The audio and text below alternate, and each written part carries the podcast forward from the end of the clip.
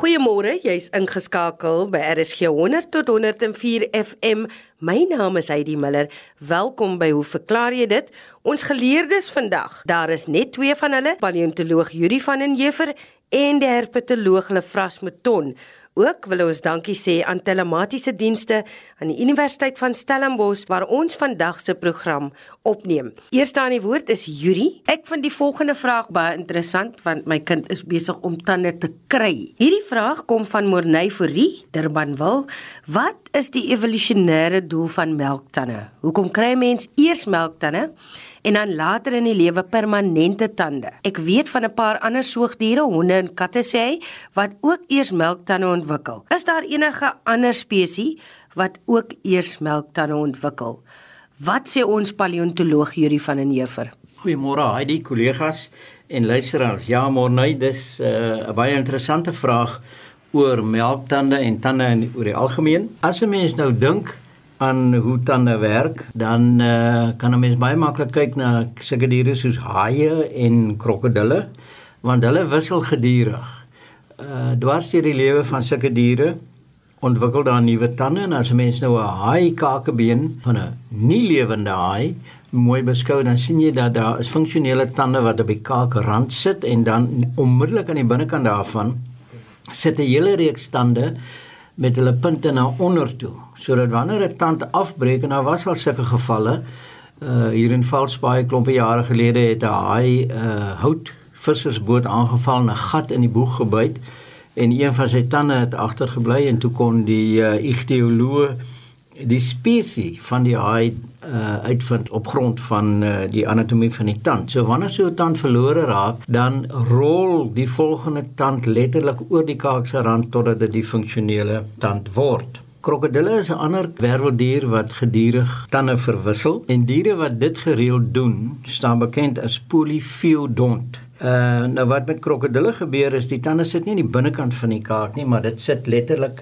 binne in die kaak. Die tandkieme uh, sit in die kaak en onder elke funksionele tand sit daar reeds al 'n volgende kiem. Met ander woorde, die tande kom altyd in dieselfde tandholte uit die alveolus. So sulke tande wat op een plek ontwikkel staan bekend as 'n tandfamilie. Maar krokodille is uh diere wat nie kou nie.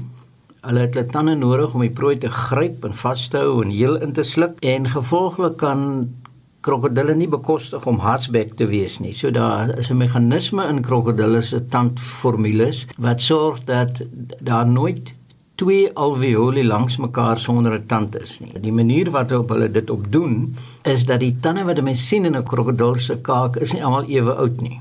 So as jy nou by die voorpunt begin en jy kies nou 'n kleinerige tandjie, dan sal die een net agter hom bietjie groter wees en die een agter hom nog 'n bietjie groter met ander woorde ouer tand en dan begin dit weer van voor af van klein na groter groter. So dit is so 'n golfbeweging wat geneties deur die krokodil beheer word sodat die tande op die manier uitkom dat daar nooit meer as een alveolus is wat tydelik sonder 'n tand is nie. Nou soogdiere en natuurlik nou die mense ook is heeltemal anders want krokodille en haie en die soort van ouens kou nie hulle kos nie, maar soogdiere kou hulle kos. So dit is 'n kwessie van die bo en die onderste gebit moet presies op mekaar pas. Jy het jou jou snytande aan die voorkant wat jy mee kan byt en dan die verkleinde slagtande, die uh, oogtande wat ook skerp is en dan jou kiestande bo en onder pas presies op mekaar sodat jy kan kou. En daarom behoort daai tande nie gereeld vervang te word nie, want dan gaan jou gebit nie pas nie.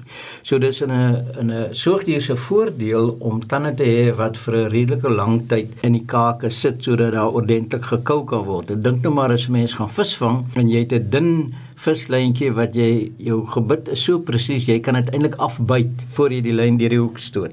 Die verskynsel wat ons dus sien by soogdiere is dat daardie aanhoudende verplasing wat ons by ander werveldiere sien, die poly feodonte toestand kan ons dan sien dat dit geleidelik vertraag en vertraag en vertraag is tot ons vandag nog net 'n difeodonte toestand het. Met ander woorde twee stelle die melktande en dan die permanente stel en ons sien hierdie ontwikkeling in die karoo fossiele ons eie karoo fossiele. As mens nou van uh, letterlik van Sutherland af stap deur 50 miljoen jaar se evolusie na die Golden Gate Park toe, dan sien die mens al hierdie kenmerke ontwikkel en word meer soogdieragtig. Die gevolg is dat die uh, die hele gebit verander.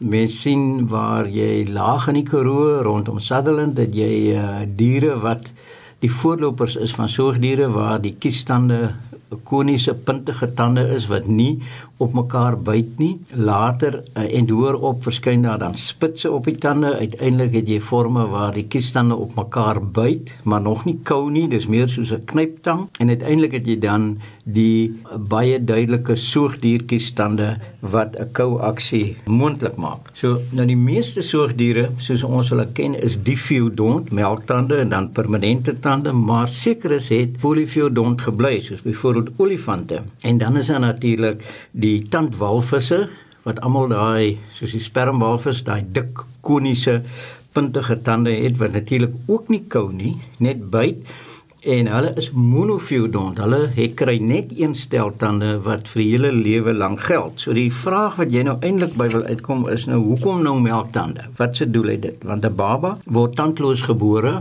En uh, Heidi, hier moet jy nou luister want jy's nou op die oomblik in daai omgewing, maar die tande is reeds gevorm, die die melktande is reeds gevorm in die uterus uh, en dit vorm in die baba se kake hier so van 6 tot 8 weke en omdat babas natuurlik nou eers melk drink, verskyn die tande eers hier na 6 maande of 'n bietjie later. Dit is nou maar uh, gemiddeld want dit kan verskil van baba tot baba. Ek het al gehoor van iemand wat haar seentjie geborsvoed het tot op 2 jaar lank en toe 'n hele paar maal gebyt is. Nou die rede hoekom dit so werk is die baba se kake is kleiner en daar's dis net plek vir 20 melktande.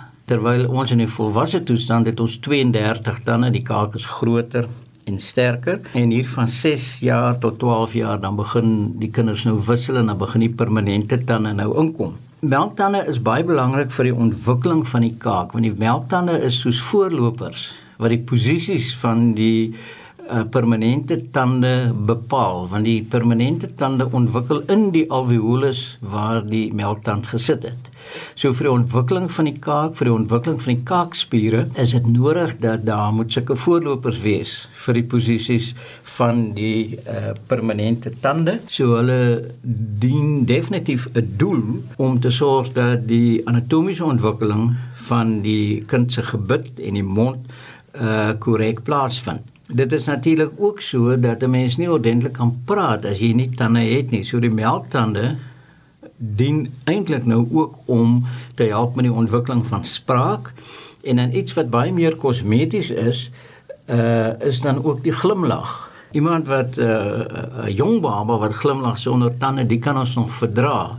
Maar uh groter kinders of mense wat uh glimlag sonder tande gee eintlik vir jou 'n grinslag. En baie mense besef natuurlik die kosmetiese waarde van tande want Uh, ek dink dit is 'n redelike algemene ding onder die Hollywood sterre om hulle tande dan spier spier wit te laat maak sodat wanneer Tom Cruise nou so 'n geweldige glimlag gee dan lyk dit of die son opkom. Die ander storie is natuurlik dat die melktande is nodig dat wanneer die baba begin vaste kosse eet, dan moet die kos fyn gekou kan word.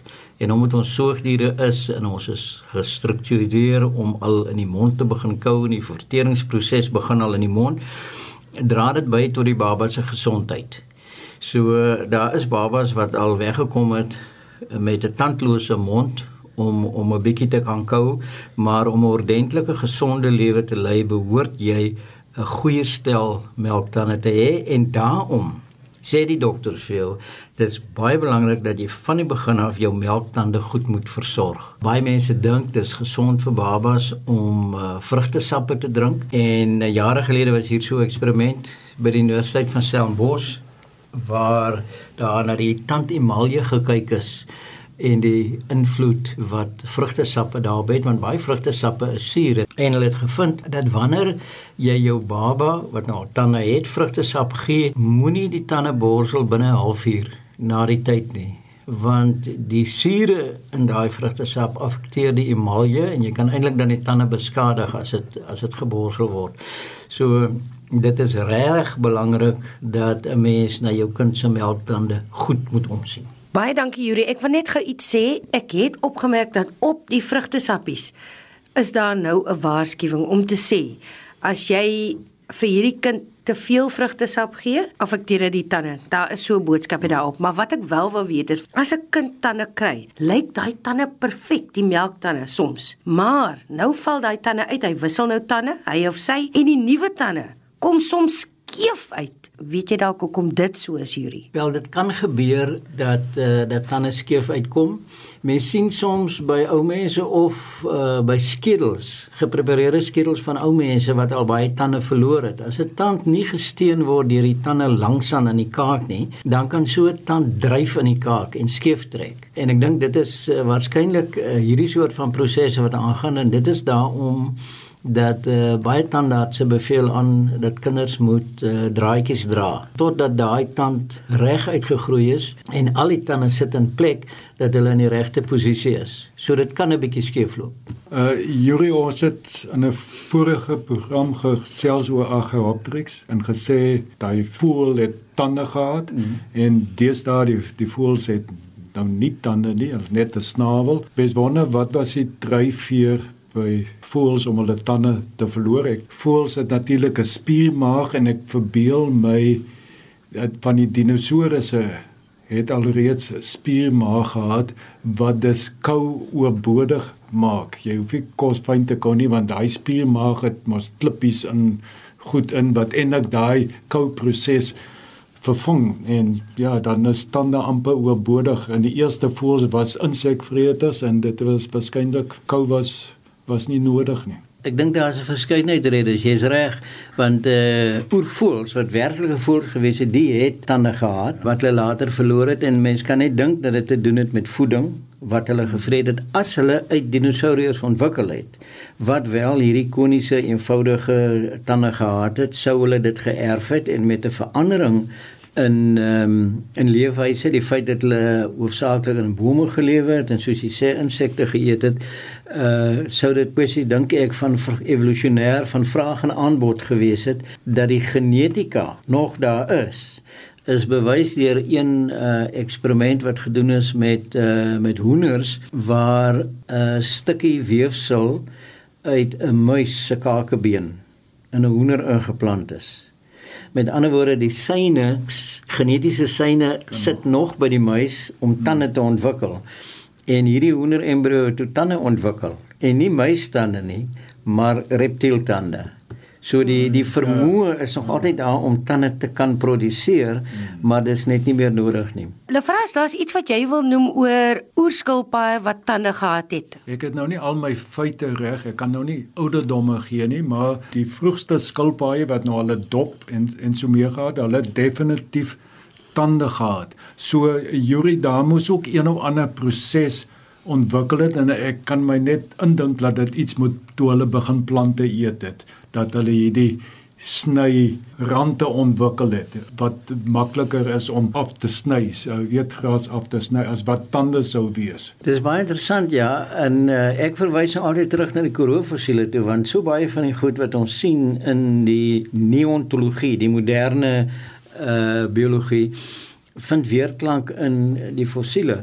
En as ons nou dink aan die Karoo fossiele as 'n groep, die sogenaamde Therapsida, voorlopers van die soogdiere, dan is daar onder hulle ook 'n diversifikasie. Sommige van daai afstamminglyne het dit nie gemaak nie. Soos byvoorbeeld die baie groot groep in die, die talrykste fossiele in die Karoo, die Dicynodontia, en hulle was plantvreters en hulle het sulke skilpadbekke gehad, so keratin laag oor die bo en die onderkaak en selfs die vorm van die van die verhemelte aan die binnekant en die buitelyn van die voorkant van die van die onderkaak pas op mekaar. En hulle het ook die unieke uh, kaakartikulasie gehad wat wanneer die bek toegemaak is kon hulle die onderkaak terugtrek. En daai twee dele het pas presies op mekaar die groewe. En hulle word gewoonlik beskryf as standloos Maar hoe verder jy teruggaan in die geskiedenis en jy kyk na die vroegste Dicynodontia, dan het hulle tande gehad. So dis weer 'n geval en ek dink jy's heeltemal reg as jy sê dat dit 'n oorgang is na vegetarisme dat hulle begin plante eet het, tande raak dan oorbodig. Dankie aan Yuri van den Heever. Ons gaste vandag is Lefras Meton en Yuri van den Heever. Lefras Meton se verklaring is volgende. Hy reageer op 'n e-pos van Wilna Botha. Die e-pos lê as volg: Ons het vroeër vanjaar 'n naweek in 'n bungalow op 'n plaas in Prins Albertus strik gebly. Die Saterdagoggend het ons 'n ver end in die veld gaan stap. My nuuskierige seentjie het al wat 'n klip is omgekeer op soek na goggas. Hy was baie opgewonde toe hy op 'n groot skerpioen met klomp klein skerpioentjies bo op die rug afkom. Ons neem aan dit is die maaskerpioen wat haar kleintjies op haar rug abba om hulle teen vyande te beskerm. Ons wil graag weet hoe eet die kleintjies? Vang die ma vir hulle kos en klim hulle dan van haar rug af om te eet of wat? Môre, luisteraars, Yuri, Heidi, as ek nou 'n tweede lewe kon hê en ek het weer die geleentheid om nou my in 'n biologiese rigting te bekwam, dan sou ek beslis my navorsing op skerpioene en spinnekoppe toegespits het. Ek weet ek het net hierdie liefde vir hulle. En dan sou ek nou nie as 'n herpetoloog bekend gestaan het nie, maar dan sou ek nou 'n arachnoloog gewees het. Met ander woorde, 'n persoon wat op spinnekoppe en skorpioene werk, die klas Arachnida. As ek net op skorpioene sou werk, dan sou ek ook kon bekend staan as 'n skorpioloog. Die orde Scorpiones. 'n uh, Skorpioene is vivipar of ovovivipar. Dit beteken hulle lê nie eiers nie. Die maas is lewendbarend. Die kleintjies word as klein skerpioentjies gebore. Nou wanneer dit nou tyd vir die wyfie is om geboorte te skenk, dan sal sy haar voorste twee paar looppote so onder die lyf invou om soos ons noem dit 'n geboorte mandjie te vorm en die genitale porie sit hier redelik voor tussen die die bene en dan as die klein skerpioentjies uitkom dan word hulle nou gevang in die mandjie. Nou die ovovivipare uh, embriootjies wat uitkom, hulle is nog met 'n membraantjie bedek en die klein skerpioentjies moet hulle eers daar uitwrimmel. Die wat vivipar is, daar is sommer net klein skerpioentjies wat gebore word. Nou baie interessant, by geboorte het hierdie skerpioentjies het nie kloue aan die punte van hulle ledemate soos wat volwasse skorpioene het. Die. Hulle het seiertjies. Hulle klim nou teen die skorpioen wyfie se bene op tot bo op die rug en daar gaan hulle nou vir 'n hele tydjie span deur. Die wyfie gaan nou baie spesifieke habitatte of omgewingstoestande selekteer, hoë humiditeit, geskikte temperatuur, want hierdie klein skerp hondjies is baie sag, hulle dop het nog nie verhard nie en hulle kan maklik uitdroog. Hulle is ook in staat om om vog op te neem vanaf die ma skerpioen. Die vraag nou hoe eet hulle nou vorentoe as hulle nou so op die ma se rug sit. Baie interessant. Hulle eet nie. Hulle kan verder ontwikkel, maar hulle het nie nodig om te eet nie. Hulle hele spysverteringsstelsel is reeds gevul met kos. Die ma het al voor geboorte vir hulle kos gegee. Die die ovovivipare forme is daar klomp dooier mos in die in die dooier sak wat nou maar die spysverteringskanaal uh volg so hulle hoef nie te eet nie. Die die vivipare forme het ook genoeg voedsel reeds ontvang van die ma toe hulle nog binne in die ma se se abdomen of lyf was. So hulle eet nie, hulle sit net daar, hulle mamma pas hulle op tot na die eerste vervelling. Dan groei hulle mos nou bietjie groter tydens die vervelling en dan daarna verhard die exoskelet en dan gaan hulle kan afklim. Dit kan enigiets van 1 dag tot 50 dae na geboorte wees, afhangende van die spesies, né? So by sekere uh, spesies skorpioene kan hulle amper 2 maande, 'n maand en 'n half op die ma se rug spandeer. By ander is dit 'n baie korte tydperk. En dan wanneer hulle nou reg is na daai tydperk, dan sal hulle afklim, self hulle goedjies vang, klein insekkie of 'n dingetjie. Wanneer hulle klaar iets gevang het, dan is hulle dadelik weer terug op die ma se rug. En dan so met die tyd gaan hulle al hoe verder of langer weg bly en dan nou nie meer terugkom nie. So hulle kry nie kos van die maan nie. Hulle het reeds genoeg kos in hulle stelsel. Dink daar's spinnekoppe ook. Is daar nie? Jy's reg, daar is en ek sit te dink nou aan die vroedvrou padda wat uh, die klein paratjies op die maan se rug klim en dan skroppel hulle vir hulle sulke holtes. En dan sit hulle soos groot vratte daar. So hulle vras 2 maande lank, hoef hulle niks te eet nie. Daarbie ma se rug. So ek sê dit hang af van watter spesies. So in die 50 dae, 'n maand en 'n half, hulle groei en alles gebeur, maar hulle hoef nie nog kos in te neem nie. Daar's genoeg kos gestoor reeds in hulle lyf om daardie ontwikkeling te kan voltooi of voort te sit. Skorpioene het ons nou hierdie baie kenmerkende bou, die twee knypers aan die voorkant en lyf en dan die lang stert met die angel op en die gemiddelde mens is baie bang vir skorpioen en ja. natuurlik daar's baie giftige forme ook in Suid-Afrika is daar 'n paar uh wat definitief gevaarlik is vir die mens. Maar dit is tog vir my interessant daar's min mense wat werklik moeite doen om na skorpioene te kyk en dit is so maklik om 'n giftige spesies van 'n nie giftige een uit te ken. Ek sê nou nie giftig maar minder giftige spesies Die minder giftige spesies het groot knypers en 'n ou dun stertjie. So hy maak meer staat op sy knypers om die prooi te vang. Giftige spesies het dik sterte en klein knypertjies. Hulle maak staat op die gif om om die prooi te verlam of wat ook al. So dis 'n manier om te onderskei te tref en voor jy nou 'n angsaanval kry oor dalk is dit 'n heeltemal 'n skadelose een wat jou gebyt het.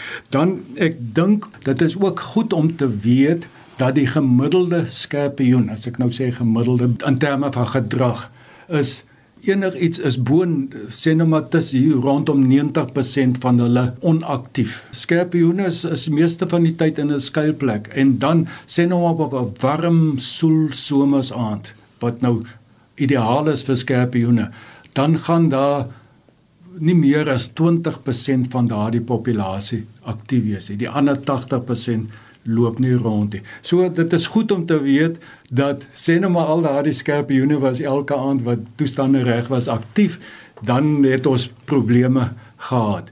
En dan ook dit is die mannetjies wat baie meer aktief is as die wyfies. Baie baie interessante groep, die hele paring stelsel paring danse in goed wat uitgevoer word werklik werklik interessant en skorpioene ook baie interessant omdat hulle so 'n 'n groot mate van ouersorg en ander aspekte wat mens kan sê hulle is ka geselekteer. Hulle het min kleintjies, maar daar word goed na die kleintjies gekyk en die en die populasies bly redelik konstant. Hulle lewe relatief lank en ja, is is net wonderlike diere. Baie dankie aan ons kenners Lefras Mouton en ook aan Juri van den Heever. Skryf vir ons, hoe verklaar jy dit? Posbus 2551 Kaapstad 8000. Stuur vir ons daai e-pos heidi@rsg.co.za. Ek spel soos gewoonlik my naam H A I D E E. Aanstaande week het ons nog meer interessante verklaringe. Hoop jy luister dan weer.